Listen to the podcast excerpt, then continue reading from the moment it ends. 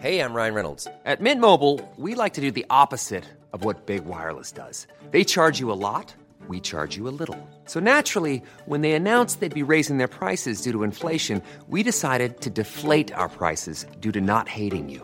That's right. We're cutting the price of Mint Unlimited from $30 a month to just $15 a month. Give it a try at mintmobile.com slash switch. $45 upfront for three months plus taxes and fees. Promo rate for new customers for limited time. Unlimited more than 40 gigabytes per month. Slows. Full terms at mintmobile.com.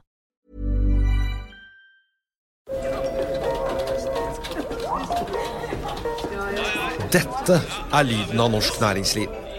Akkurat nå tas det små og store valg som kan bli avgjørende for fremtiden.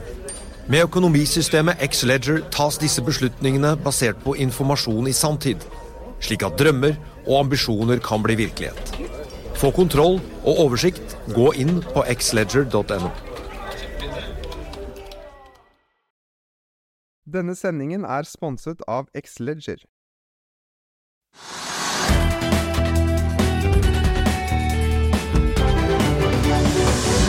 Fredag og velkommen til Økonominyhetene alle sammen. Det har blitt 10. februar, og på sendeskjemaet i dag så har vi både Porsche-kjøring i ørkenen, olje og ikke minst shipping og forsvar, får vi si, for i tillegg til fredagens bilprat så skal vi også da ta for oss den store bunken med selskapsrapporter som har kommet i dag.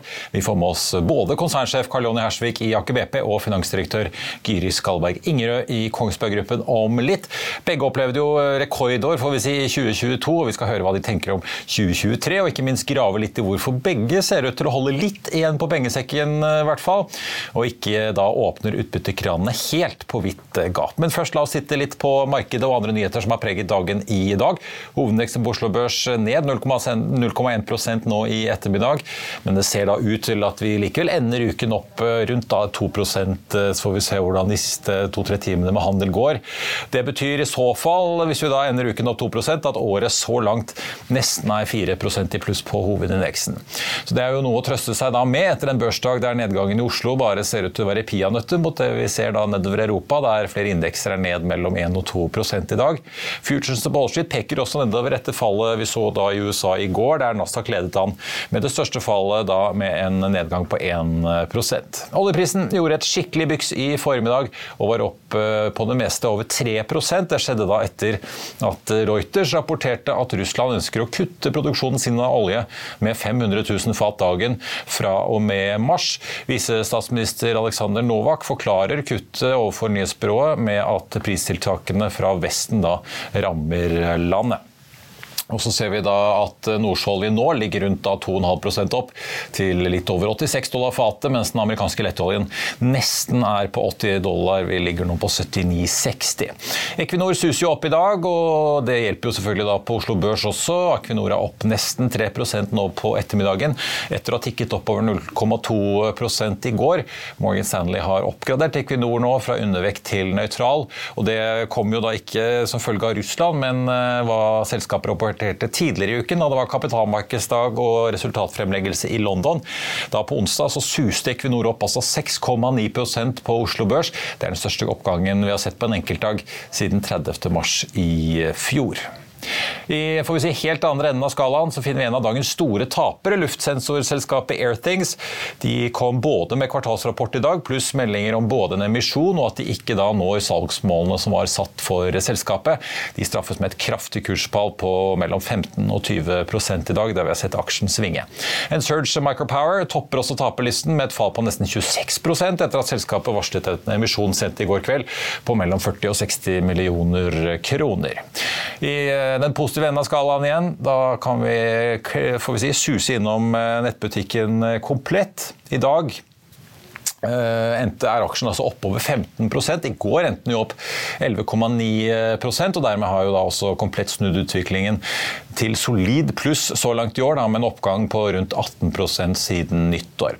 I kvartalsrapporten i går så varslet jo selskapet at man ser og forventer en salgsbrems i første del av 2023, samtidig som det også ble annonsert at tidligere Orkla-sjef Jan Ivar Semlic settes inn som ny toppsjef. Det ble åpenbart tatt eh, godt imot, og i dag har Pareto også løftet eh, komplettanbefalingen sin fra salg til kjøp og doblet kursmålet til 20 kroner. Nå ligger komplett på en 17 14 kroner. Og Ifølge en melding fra TDN så mener meglerhuset at Kompletta i fjerde kvartal var et vendepunkt, der varelageret ser sunnere ut, marginene har startet å hente seg inn igjen, og likviditetssituasjonen også ser ut til å være under kontroll. Og apropos meglerhus, Arctic Securities gjenopptar dekning av en får vi si, gammel kjenning som det har vært litt stille rundt en stund. Acastor. Arctic sier nå kjøp og har et kursmål på 17 kroner på Acastor. Det er en oppside på nesten 30% fra gårsdagens sluttkurs, og i dag er Acastor opp en 3% Akastor ble jo i sin tid spunnet ut av Aker Solutions, men gikk på en stor smell under oljebremsen da altså kronjuvelen MH Virt med sine borepakker opplevde et marked som bråbremset, med da store påfølgende nedbemanninger i selskapet. I 2021 så slo Acastor MH Virta sammen med Baker Hughes sin Subsea boresystemdivisjon. Og etter planen så skal dette nye felleseide HMH-selskapet, som det heter, på børs med tiden. Og Med det bakteppet så er det jo interessant å lese Arctics rasjonale for å nå får vi si, både ta opp dekning og gi tommelen opp til Akastor. Arctic skriver sitat, at vi forventer at Acastor vil krystallisere mesteparten av verdien i løpet av de neste par årene gjennom børsnoteringer og salg av eiendeler. Selskapets track record gjennom svært utfordrende tider er imponerende, med over 15 verdiøkende transaksjoner, for det meste solgt over bokført verdi. Med et selskap som nå ventes å realisere resten i et oljeservicemarked i bedring, tror vi at aksjeeierne kommer til å dra nytte av det. Sitat slutt, skriver Arctic. Før vi kjører videre, så vil jeg bare minne om at hvis ikke du rekker å se denne sendingen, så kan du også høre den ved å søke opp Økonominyhetene på Spotify, Apple Podcast eller ved å gå inn på f1-podkast. En kjapp titt innom makrohjørnet. Det er verdt å merke seg inflasjonstallene som kom fra SSB i morges, hvis du gikk glipp av de. Inflasjonen her i landet, altså konsumprisindeksen, steg fra 5,9% til 7 da fra desember til januar målt på årsbasis, og hadde vært hele 8,1% hadde det ikke vært for statens strømstøtte til husholdningene. Kjerneinflasjonen, som er da uten energi- og avgiftsendringer, slo den gamle rekorden fra oktober på 5,9% og endte på 6,4 så det spekuleres jo da allerede hva dette har å si for Norges Bank, som også har sitt neste rentemøte da i mars. Og så må vi innom noen av de andre store vi har fått tall fra i dag. Skipsted er ned nesten 3 etter å ha slått forventningene i fjerde kvartal. AF-gruppen faller over 3% på sin rapport, mens Entra er ned drøye 1% etter sine kvartalstall. Og meldingen om flere nye leieavtaler i Trondheim. Alt dette var vi innom i Børsmorgen, der vi også hadde besøk av den snart børspremiereklare Seacrest Petroleo, så det er verdt å få med seg det. Da skal vi over til dagens gjester, og vi skal straks høre fra Kongsberg Gruppen, som er ned drøyt 3 etter sin kvartalsrapport i dag. Men vi begynner med Aker BP, som også var ned drøyt 3 men som har hentet seg tilbake igjen og ligger nå rundt null. Vi skal høre fra Aker BP-sjefen straks. Vil du bli oppdatert på det viktigste som har skjedd innen finans og næringsliv? Da er det bare å følge med, for hver morgen er jeg, Marius Lorentzen og aksjekommentator Karl Johan Malnes på plass i studio for å ta tempen på dagens marked i Børsmorgen. Og hver ettermiddag oppsummerer vi alt du trenger å vite i Økonominyhetene, og det blir selvfølgelig masse interessante gjester. Klikk deg inn på fa.no-tv, eller søk opp Børsmorgen og Økonominyhetene der du hører på podkast.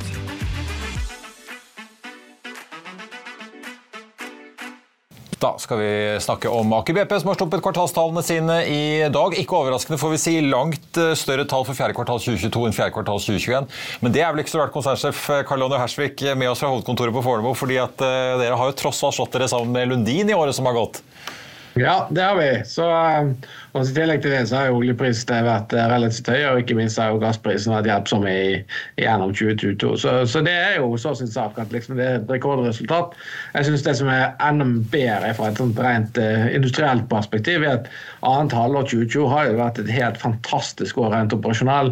Produksjonseffektivitet på 95% vi har fallende backlog på vedlikehold, vi har god sikkerhetsstatistikk, og liksom hele den industrielle butikken har jo gått uh, mer eller mindre på skinner i 2022 mens vi har eh, levert eh, ti pudder og en sånn eh, PIO, som er en Power from Shore-greie, og slått oss sammen med Lundin. Så jeg er utrolig stolt av den organisasjonen som har levert i 2022. ja. Ja, jeg spurte uh, Anders Hopedal, konsernsjef i Equinor, om dette på deres kvartalspresentasjon uh, her tidligere i uken. Om han trodde han ville oppleve noe sånt som 2022 igjen. hva tror du selv? Altså, dere har hatt en kjempefusjon som du var inne på, ti utbyggingsplaner. Veldig gode priser og veldig god inntjening. Vil 2022 stå igjen, også, ikke bare for bransjen, men også for Aker BPs historie, som et helt eksepsjonelt år, egentlig? Ja, altså Det blir jo vanskeligere og vanskeligere. Altså Hvis du skal nå doble produksjon uh, og du skal levere 200 milliarder til i, pudda Jeg har vanskelig egentlig for å si det for, uh, for meg, men skal jo aldri si aldri. Men kanskje det som er enda viktigere, er jo på en måte hva det betyr av uh, selskapsbygging. da, Det har gitt oss mye større muskler, mye større kapasitet. Og vi jobber på en måte målretta når vi virkelig utnytter de mulighetene som 2022 har gitt oss. Så jeg bruker mer tid på å liksom, finne ut hvordan jeg skal skal utnytte den posisjonen jeg har fått, enn å lure på om han kommer igjen, Marius. Det er bra. Vi skal snakke om de lange linjene og litt hva som ligger nede i veien, men først bare 2023. altså Dere guidet da for en produksjon på mellom 430 og 60 000 fat. Så avsluttet dere i året på en 422. Eh, si litt, er det på en måte, er det mange, mye ny produksjon inn der, eller er det på en måte en del forbedringer fra eksisterende felt også? Ja, det er begge deler. Altså, men en stor komponent av dette er jo selvfølgelig ramp-upen av um, Johan Sverdrup, uh, som da startet 15.12. Som, som nå kommer på fullt og får sitt første stor hele produksjonsår i 2022, som bidrar ganske positivt. Uh, og så har vi Frosk som kommer på strøm, og et par andre måtte, eh, ja, asset-spesifikke prosjekter som kommer på strøm, både på Valhall og eh, Edvard Grieg. Og, ja, det foregår litt boring rundt omkring. Så, men eh, eh, Johan Sverdrup er en stor del av den økningen, definitivt. Eh, dere øker også guidingen deres hvor mye dere skal investere til da mellom 3 og 3,5 milliarder dollar. Så vidt jeg så tallene, i hvert fall. Med Lundin så endte dere vel fjoråret på 2,8, er det riktig? Ja, det er ganske presist.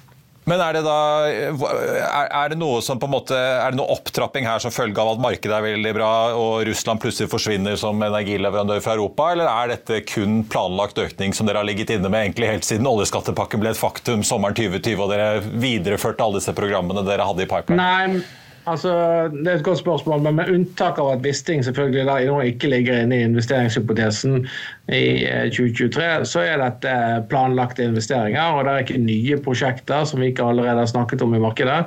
Og Majoriteten av dette er jo selvfølgelig relatert til skattepakkeprosjektene, som nå går over i en, en uh, feed-fase eller en pre-FID-fase som vi ser, før investeringen, og nå er i ferd med å gå inn i execution-fasen. Så Det er jo hovedkomponenten når det gjelder økningen i Capex.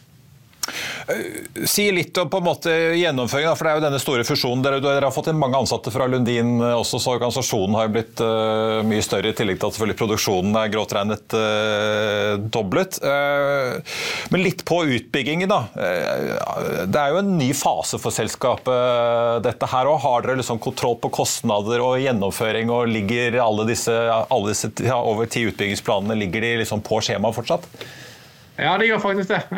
Dette er jo det jeg bruker 85 eh, av tida mi på, er å, å, jobbe med disse planene. Sørge for at oppbemanningsplaner, at liksom vi setter ut PO-en, at ingenieringsproduktene kommer når de skal osv. Så, videre. så eh, vi ligger fortsatt på plan. Eh, og det er grønne lys over hele linja. Så vi ser ingen varsellamper sånn som det nå står. Eh, og så får vi si knock on wood. Men, men dette er jo et tema som er aller, aller høyest på agendaen i Aker BP for tida. Hva med bemanning, da? Det har jo vært mye snakk om eh, at nå skal oljeselskapene ut og ansette fra leverandørene, sånn som man har sett i tidligere sykluser. Hvordan ser bemanningssituasjonen ut hos dere? Må dere få inn nye, mange nye folk for å klare å gjennomføre disse utbyggingene? Ja, altså vi, vi, vi ser jo for oss ja, det er to del spørsmål da. For det første så ser ikke vi noen eh, som system og som allianser og sånn, så ser vi egentlig en sånn voldsomt stor bemanningsproblematikk. Og Det er fordi vi har vært ganske tidlig ute. Vi har på en måte vært tydelige på hva vi har tenkt å bestille fra de ulike leverandørene og alliansepartnerne. og Det betyr at de har allokert sine organisasjoner eh, i henhold til det. Eh, og så er det jo sånn at Vi har en litt annen gjennomføringsmodell enn kanskje den tradisjonelle olje- og gassgjennomføringsmodellen. Så det betyr at der hvor oljeselskapene tidligere har ansatt for leverandørene, så har vi heller en, en, relasjon til disse leverandørene som vi gjerne kaller en allianse. Og Det betyr at de fortsatt blir ansatt hos leverandørene, men de jobber i prosjekter sammen med oss. Så, så det blir en litt annen type dynamikk som gjør at denne kalle hoppinga som vi ofte har sett eh, senest tilbake i 20... Eh, kapringen, ja. den ser ikke vi så mye av. Og så betyr ikke det at vi i Aker BP ikke har behov for nye ansatte, det har vi òg, men i et mye mindre omfang enn det vi ville hatt hvis vi ikke hadde hatt allianseavtalen på plass.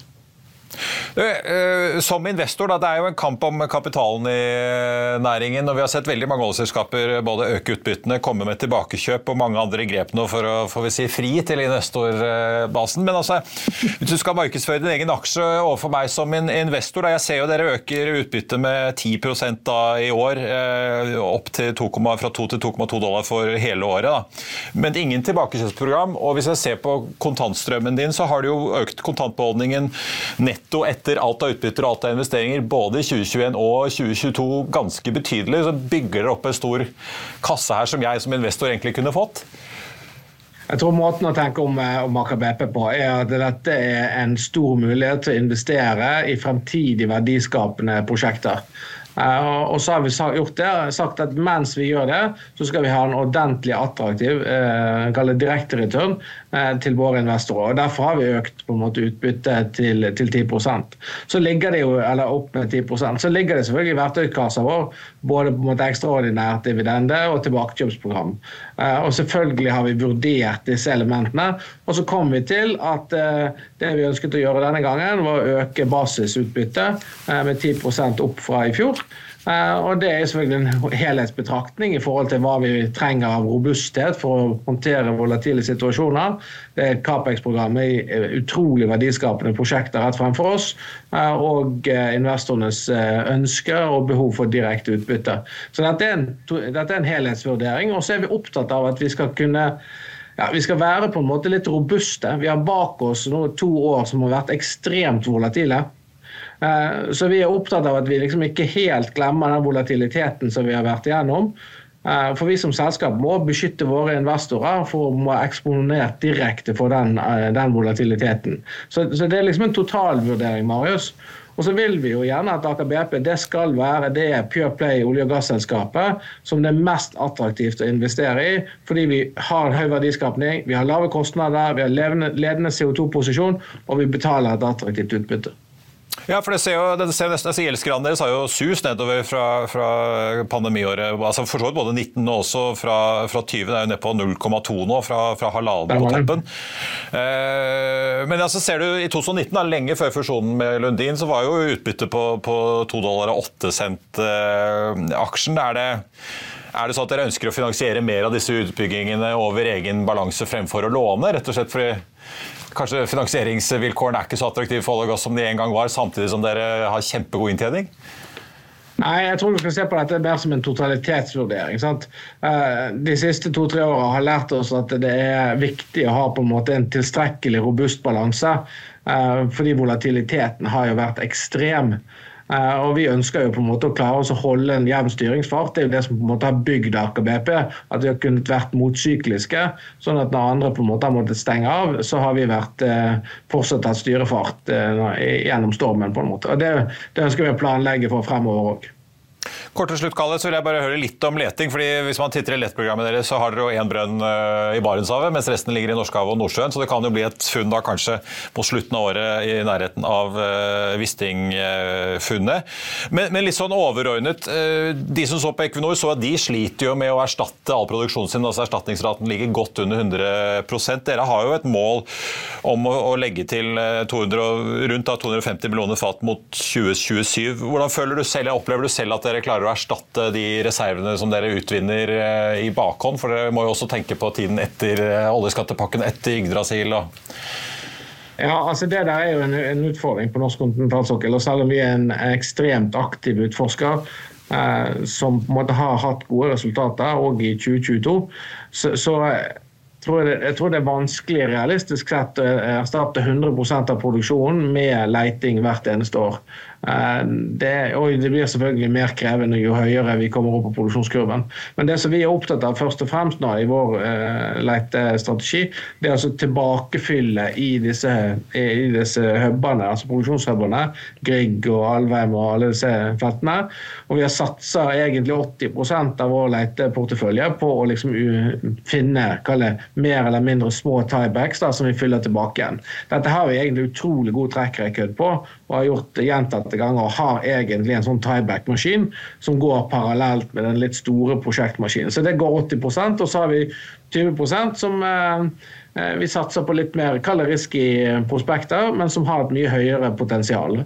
Og Den balansen der har vi tenkt å holde i, i årene som kommer. Eh, og så er det nok litt slik at Det betyr jo at når du kommer frem til 27 og du produserer 525 000 fat, ja, så skal det godt gjøres å, å erstatte alle de fatene. Eh, med bare exploration. Eh, så det tror, jeg vi, det tror jeg alle er klar over som har en kalkulator. Eh, så betyr ikke det at ikke vi ikke satser på leiting. Det gjør vi jo i rikt monn. Og det er, det er sterkt verdiskapende. Altså de som trodde at leiting på norsk kontinentalsokkel ikke, ikke, på en måte var økonomisk aktivitet, som du av og til kan få inntrykk av når du hører det snakkes om i media, de tar helt feil. Karl Johan Hersvik i Aker BP, tusen takk for at du var med oss. Så får vi si uh, lykke til til både leteavdelinger og utbyggingsavdeling og det som er, for det blir et hektisk 2023, eh, virker det som. Takk skal du ha, Marius. Vi er uh, straks tilbake rett etter dette.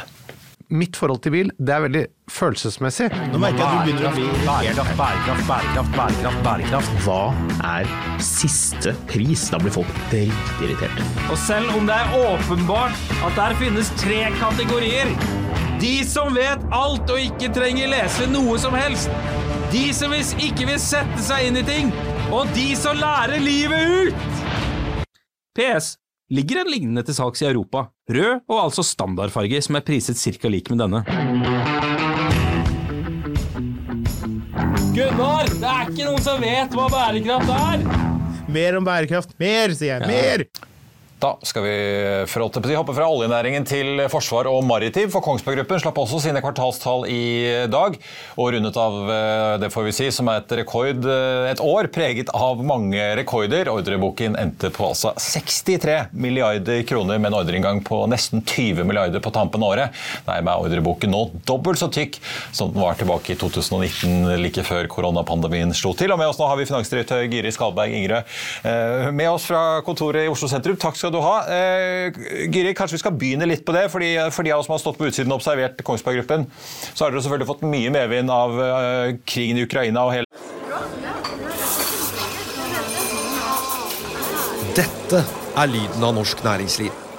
Akkurat nå tas det små og store valg som kan bli avgjørende for fremtiden. Med økonomisystemet X-Leger tas disse beslutningene basert på informasjon i sanntid, slik at drømmer og ambisjoner kan bli virkelighet. Få kontroll og oversikt. Gå inn på xledger.no. Denne episoden er sponset av van Brun, en fremtredende smykkeforhandler kjent for sitt brede utvalg av forlovelsesringer, gifteringer og diamantsmykker som bæres og elskes i generasjoner. Et frieri er en av de største øyeblikkene i livet, hvor forlovelsesringen er et tidløst symbol på kjærligheten. Valg av ring krever omtanke for både hvilket metall og diamant. Med et bredt spekter av både naturlige og labdyrkede diamanter, og metaller som platina, gult gull, hvitt gull og roségull, hjelper de deg med å sette et personlig preg på din kjærlighetshistorie.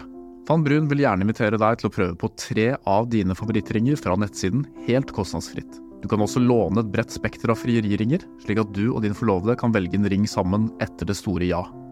Van Brun tilbyr 90 dagers åpent kjøp og 90 dagers gratis størrelsesjustering.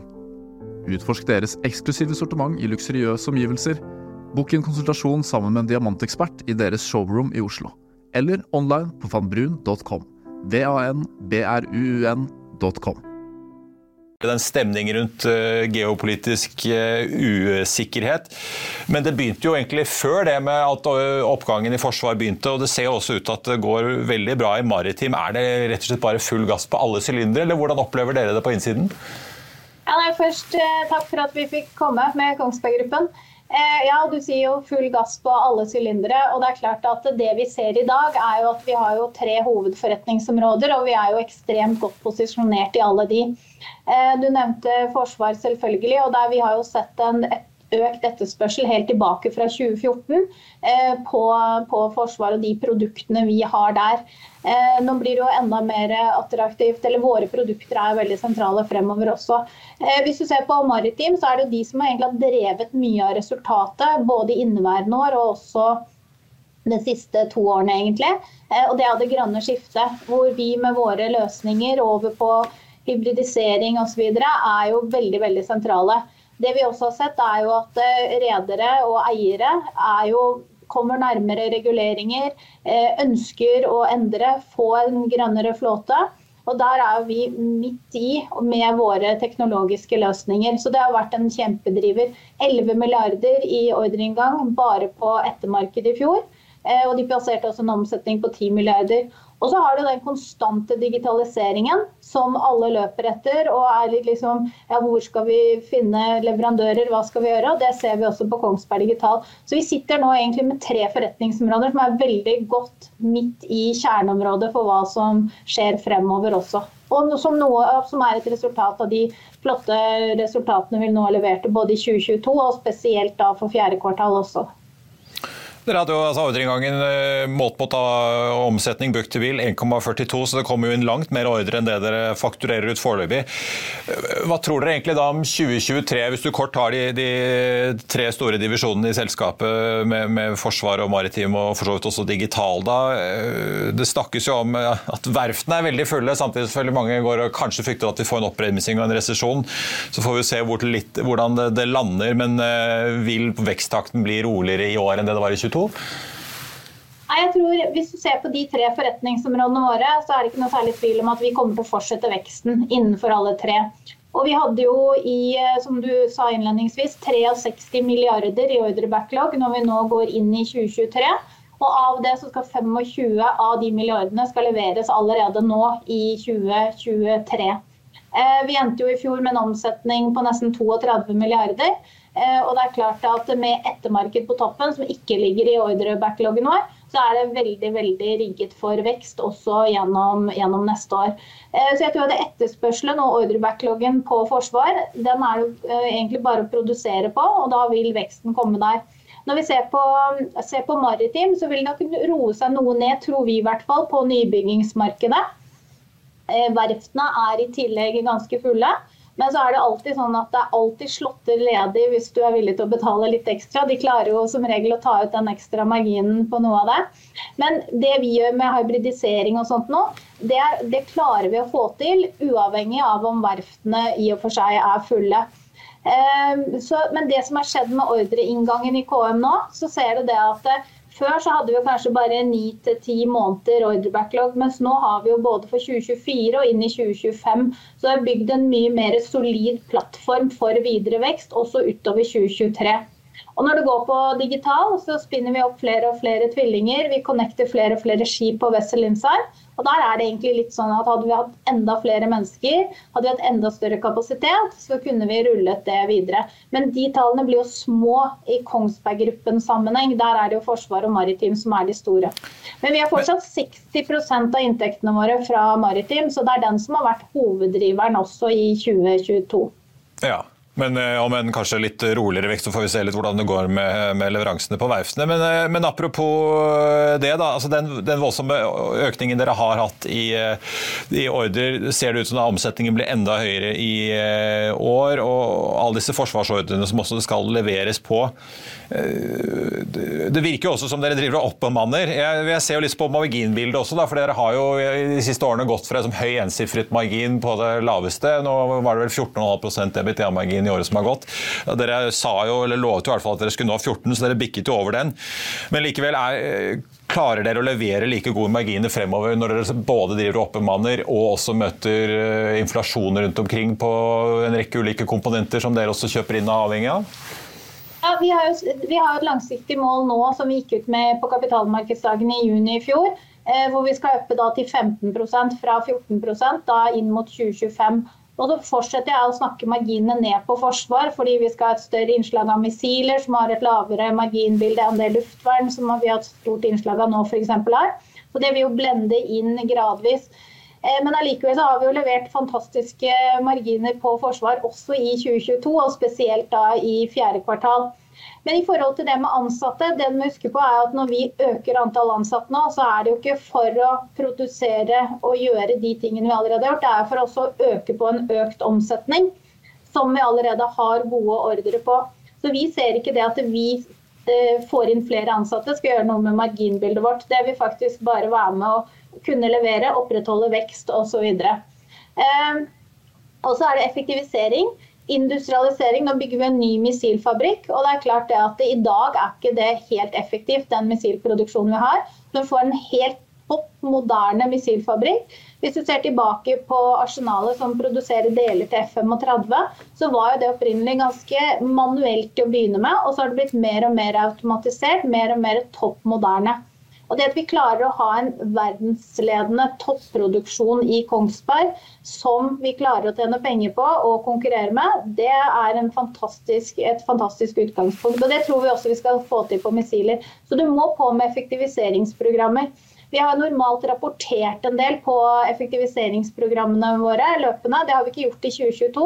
Men det er ikke sånn at ikke vi har det. Vi har det på alle de tre forretningsområdene våre løpende. Og klarer vi ikke å ta ut effektivitet, så klarer vi heller ikke å opprettholde marginbildet. Men det er jo også igjen da, ikke marginer man normalt lever av, det er jo nominelle kroner. Så når du ser hvordan egentlig overskuddet bare øker løpende nå, eh, så er det jo gøy å være finansdirektør. Det vil jeg tro. Eh, men vi må snakke litt apropos eh, jobben din, eh, om kapitalallokering her. for Hvis jeg sitter og sammenligner med hva dere gjorde for 21 mot 22, så får jo aksjonærene da 2,1 milliarder utbetalt nå, ser det ut som, etter 2022 også. Ned fra 2,7 året før. Det er bl.a. ikke et tilbakekjøpsprogram som dere hadde i fjor på 500 millioner. Utbyttet per aksje går fra 15,30 ned til 12. Hva er det som gjør at dere betaler mindre utbytte når det tross alt går så bra som det gjør? Er det store investeringsbehov i den missilfabrikken annet, og andre ting som, som krever eh, kapital her, som da ikke kan utbetales, eller? Det er en totalvurdering, og det er jo klart at det er jo styret som fastsetter utbytte, og ikke administrasjonen som sådan. Når det gjelder investeringer, så har vi vært ute og sagt at vi skal bruke mellom 1 og 1,5 milliard og bygge en hypermoderne ny missilfabrikk på Kongsberg. Men utover det så bruker vi jo ikke noe voldsomt med investeringer eh, løpende. Det er litt på digital tvilling og utviklingen der, men ellers er det stort sett i bygg det har gått av å få opp produksjonskapasiteten. Eh, vi har bundet noe mer kapital i løpet av det året som har gått pga. litt forsinkelser på våpenstasjoner. Og også vekst, rett og slett. Vi har vokst enormt mye i Kongsberg Maritim i løpet av det siste året og bundet noe mer kapital. Og så må jo innrømme at vi, vi, tillater litt mer oppbygging av lager. For det er klart at i en situasjon med en ordrebacklog på 63 milliarder, så må du være forberedt sånn at du har komponenter tilgjengelig.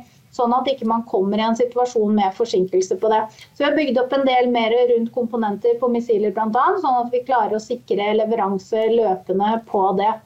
Eh, du, du nevnte tilbakekjøp av aksjer. Vi valgte å ikke gjøre det i år. Eh, vi har jo gjort det liksom de tre siste årene. Eh, og rett etter at vi hentet penger i forbindelse med oppkjøp av Commercial Marine, så var det klart at det å hente penger og så betale ut igjen, er er ikke alle som er like fornøyd med. Nå er vi i en situasjon hvor vi har gjort dette tre år. og Litt signaler fra aksjonærene ute har vært at cash er veldig verdsatt akkurat nå. Så vi endte, endte, på det, men det gikk noe med at vi da trengte pengene til å binde de. Men så er det en u mer usikker verden. Og vi har jo veldig mange offentlige kunder, eh, spesielt da på forsvarssiden. Og den ordrebackloggen på forsvar nå, som er høy med offentlige kunder, de ser jo til soliditet nå når de legger løpende ordre videre også. Så vi må ha litt i bakspeilet at eh, kundetypen vår eh, verdsetter soliditet løpende. Kort til slutt, uh, Giri. det har skjedd mye på En ting er at det har skjedd mye på vekst- og ordresiden, men det har også skjedd mye på struktur. Uh, dere har jo i løpet av året som har gått annonsert uh, både at det etableres, eller at man tar en og lager en fornybardivisjon ut av Kongsberg Maritime. På tampen av året kom også nyheten om en, en robotics- og sensordivisjon på godt norsk. og tidligere så har dere jo også snakket om at dere kanskje skal gjøre noe med Kongsberg Digital, som jo i sin tid også ble spunnet ut av de andre enhetene. da man hentet ut olje- og gassdelen, blant annet. Eh, dere har jo snakket om en, tidligere en børsnotering eller finne en partner til Kongsberg Digital. Eh, det, hva tror dere om 2023? Kan vi se noen transaksjoner med noen av disse divisjonene som dere nå har hentet ut fra, fra kjernevirksomheten, enten det er digital, robotics eller sensor eller fornybar? Jeg tror eh, Hvis du ser på Kongsberg Digital, så er fortsatt plan A å notere det. Og så har jo ikke markedet vært der for å gjøre det. Og så har det vært i utgangspunktet ganske bra for oss, fordi de dundrer på med flere og flere kontrakter og flere og flere kunder. Så det har vært en fantastisk utvikling for det selskapet. Men det er fortsatt plan A. eh, å notere Kongsberg Digital. Og de er jo helt løsrevet på mange måter fra Kongsberg, selv om de er et 100% av datterselskap fortsatt. Så har vi eksterne styremedlemmer. Eh, De har full separasjon og rapporterer separat. Så den, den løypen er på en måte litt lagt for de. Eh, Når det gjelder på, eh, Kongsberg Renewables, eh, så er det klart at for å komme ordentlig i gang med det, så er vi på utkikk etter partnere, mulige oppkjøpscase osv. Så, så da jobber vi full fart med det. Sensor Robotics var vi ute med, som du sa, så at vi separerer det nå ut fra KM som et eget forretningsområde. Vi har stor tro på det som et eget område, og hvor da KM kan fortsette å å konsentrere seg om kjernevirksomheten sin, i tillegg til at du får sensor og robotics på toppen som et eget forretningsområde ved siden av.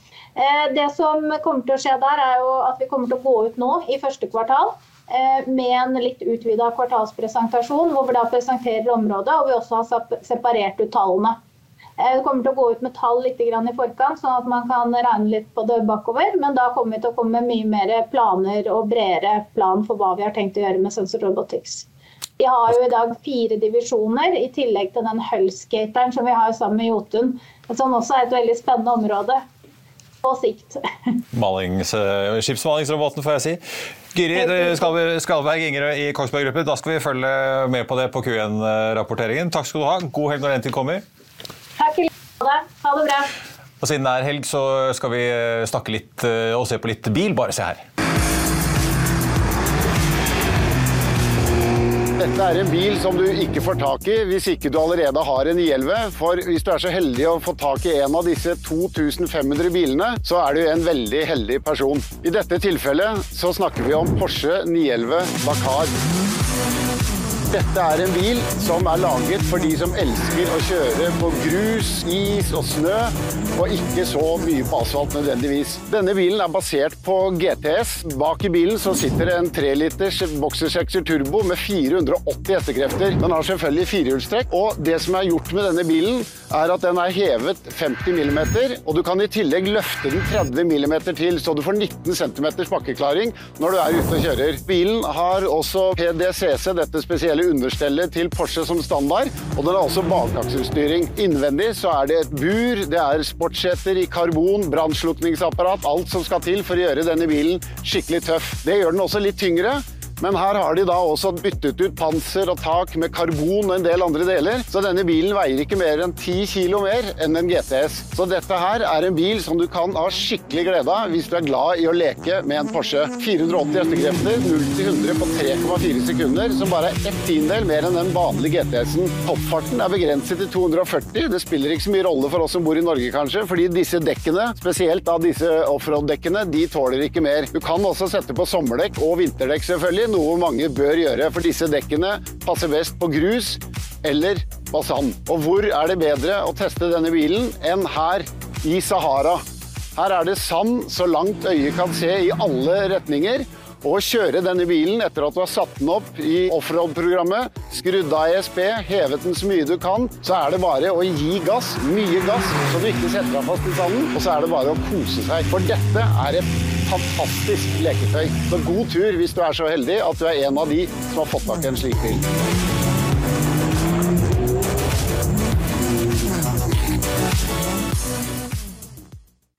Velkommen tilbake. Da har jeg fått med meg Håkon Sæbø fra Mil etter mil og FA Motor i studio. studio. Nielve har ganske gromme greier. De må ha hatt det litt gøy nede hos Porsche når de skulle lage den eh, spesialversjonen her. Ja, dette er eh, veldig kult. Det er jo en eh, begrenset sak, dette her. 2500 biler skal produseres. Ja, Så det blir ikke halvannen million, dette her. Nei, jeg tror vi er godt over tre millioner kroner. Ja. Men på den annen side, sjelden Porsche. Kan hende at det er en ok investering likevel? Mulig at ja, verdien tvert imot øker med tiden. For jeg tenkte jo bakkeklaring på 19% som Andreas snakket om. Hvis du har tre, drøyt 3 millioner til overs, valget står mellom Gelendevagen og 911 Dakar. Det er jo, begge kommer seg vel over snøføyka opp til Geilo og Dr. Holmes. Ja, det rare er jo, Man snakker jo om vinterføre. og altså, Har man kjørt litt 911, så vet, man at, vet man jo at man kan kjøre en vanlig 911 til fjellet også. Så man må ikke ha den bilen her. Det er jo bare å passe litt på disse brøytekantene, så går det bra. Ja, Det bare slår meg at eh, det er ikke alle såkalte SUV-er som jeg kanskje hadde kalt crossover eller høye biler som kan skryte av 19 cm bakkeklaring. Nei. Nei. Jeg nevner ikke navn Mercedes EQC. Men eh, dere har noen andre tester i bladet òg, i tillegg til 11 Dakar. Svensk internoppgjør mellom Volvo og V90 S90 kommer også? Mm, ja. de holder jo fast på de modellene. Ladbare hybrider det er jo litt på vei ut, og kanskje ikke så aktuelt eh, nå som det, utvalget av elbiler blir eh, bare bedre og bedre. Men eh, ja, det fins nå, og vi i Motor prøver jo å gjøre litt andre ting enn bare elbiler. Ikke bare være mainstream hele tiden. Nei, det er akkurat det. Ja. Og vi vet jo Toyota RAV4 selger jo ganske bra i landet nå, Mm. selv om politikerne prøver å ta knekken på den. Og så har vi jo, for de som har fulgt med over litt tid, har jo sett at Vito har vært ute og tittet på BMW M5 CS. Nå kommer eh, lillebroren med disse litt sånn to magiske bokstavene. Hva snakker vi om her? Ja, 550 hestekrefter, så den eh, kraftigste M3-en noensinne. Firehjulsdrift selvfølgelig. Automatgir, dessverre for de som vil ha manuell, men eh, likevel. Heftig sak. Også et begrenset produksjonsantall. De har ikke sagt nøyaktig hvor mange, men det blir nok ikke kjempestort utvalg på bruktmarkedet etter hvert. Så hvis man vil ha en sånn, så bør man kanskje følge litt med. Jeg får plassere litt, altså M3 M5 er jo i utgangspunktet ganske sånn crème de la crème i paletten til eh, BMW. Konkurrerer liksom som Audi R6 og den type biler. M5 CS kjenner jo mange igjen, for den har de der gule frontlyktene som er litt sånn retro-touch fra de gule lysene på 80-tallet. Men hva annet er det som kjennetegner disse CS-bilene, da? Ja, det er mer, mer motor, selvfølgelig. Og så er det setene. Da får du karbon bucket seats som standard. De fjerner midtkonsollen. De gjør bilen lettere. Mer karbonfiber. Du ser det spesielt forfra. Panser er i karbon. Det er, det er på en måte Det, det er hardcore-versjonen, liksom? Ja. Yes, det er alle de små tingene som kommer sammen og gjør det til en enda mer spesiell versjon. Selvfølgelig sånne voldsomme farger, så man er synlig i Bogstadveien hvis man vil det. Ja. For de som liker sånt? Ja, eller bare har så mange bilder at de kan ha en litt sånn eksentrisk? Det gøye er jo at det er 0 til 100 på 3,4 sekunder på den M3-en. Så det er jo det samme som 911 Dakar. Litt artig. Ja, ikke sant? Apropos å ha godt budsjett, men den koster litt mindre enn den BMW-en, kanskje? Ja, den er jo dyr, da. Altså, ja. Den starter på 1,9 millioner kroner.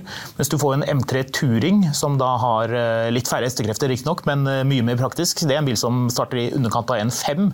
Ja. Så ja, man får se. Det er litt forskjellig samlepotensial òg, kanskje. 400 000 for å være absolutt råeste i gaten. Eh, du, dere skriver også om Lamborghini som snart sier eh, takk og farvel til V12-eren, går ut med et eh, smell. Mm. Men eh, noen andre som går, kanskje går og pensjonerer en eh, ganske sånn symbolsk motor, er Mercedes? Ja. Du tenker på E-klasse, og da spesielt E63. Ja. Det kommer jo en ny E-klasse, og den skal jo komme i E63, selvfølgelig. Det vil man jo gjerne ha i USA, og ja, definitivt også Tyskland, blant og der har det vært V8, brumlende V8 ja. nesten så lenge jeg kan huske. Ja. ja. Og nå er det over. Det ryktes at den nye E63 S skal få en treliters rekkesekser. Ja. Så ikke riktig så leit som da C63 fikk firesylindret motor, men likevel, vi kommer til å savne den fireliteren. Du må snart kjøpe amerikansk hvis du skal få deg V8. Mm. Ja. Si, apropos Tyskland. Du har vært i Tyskland, og det kommer jo ikke nå til helgen, men om ikke altfor lenge i bladet. Vært i Tyskland og testet ikke tysk bil, men britisk bil. Ja, litt, en litt sånn britisk-tysk fusion. Kjørt Bentley Continental GT Speed fra München til København og lager en litt sånn roadtrip-aktig følelse i den saken. Har snakket en del om det i podkast-episodene som kom ut denne uken, spesielt den som kom ut i går. Så hvis man er ekstra interessert, så kan man lytte til det. Da sitter jeg i bilen og kjører i fri fart med 659 hestekrefter. Det er nydelig å filosoferer over livet. Ja. ja. Veldig bra. Og det er altså bare å søke opp Mil etter mil der du hører på podkast. Takk skal du ha, Håkon, og god helg. I Finansavisen i morgen på lørdag så kan du i tillegg til FA Motor også lese Trygve Egnars leder om staten som drukner i utbytter. Du kan lese om NHO som ikke frykter noen konkursbølge, og så blir det profilintervju med Arve Noreng, som leder Norges største hytteprodusent. Og så kan du også lese om gründere som endte som investorer, da, i tillegg selvfølgelig til masse annet helgestoff. Og Da er vi ved får vi si, slutten av denne sendingen på denne fredagen. Tusen takk for at du så eller hørte på. Uken er ved veis ende, og vi er tilbake igjen her på mandag. Klare for en ny og tettpakket nyhetsuke. Vi skal av gårde til Vestlandskonferansen i Bergen på tirsdag. Det kommer tall fra selskaper som Norwegian, Hydro, Orkla, Movi. Og så er det kapitalmarkedsdagen, Vår Energi og mye, mye mer. Men det er til uken, altså. Og på vegne av alle oss her i Finansavisen får jeg i denne omgang i hvert fall si god helg, takk for nå, og så ses vi igjen til uken.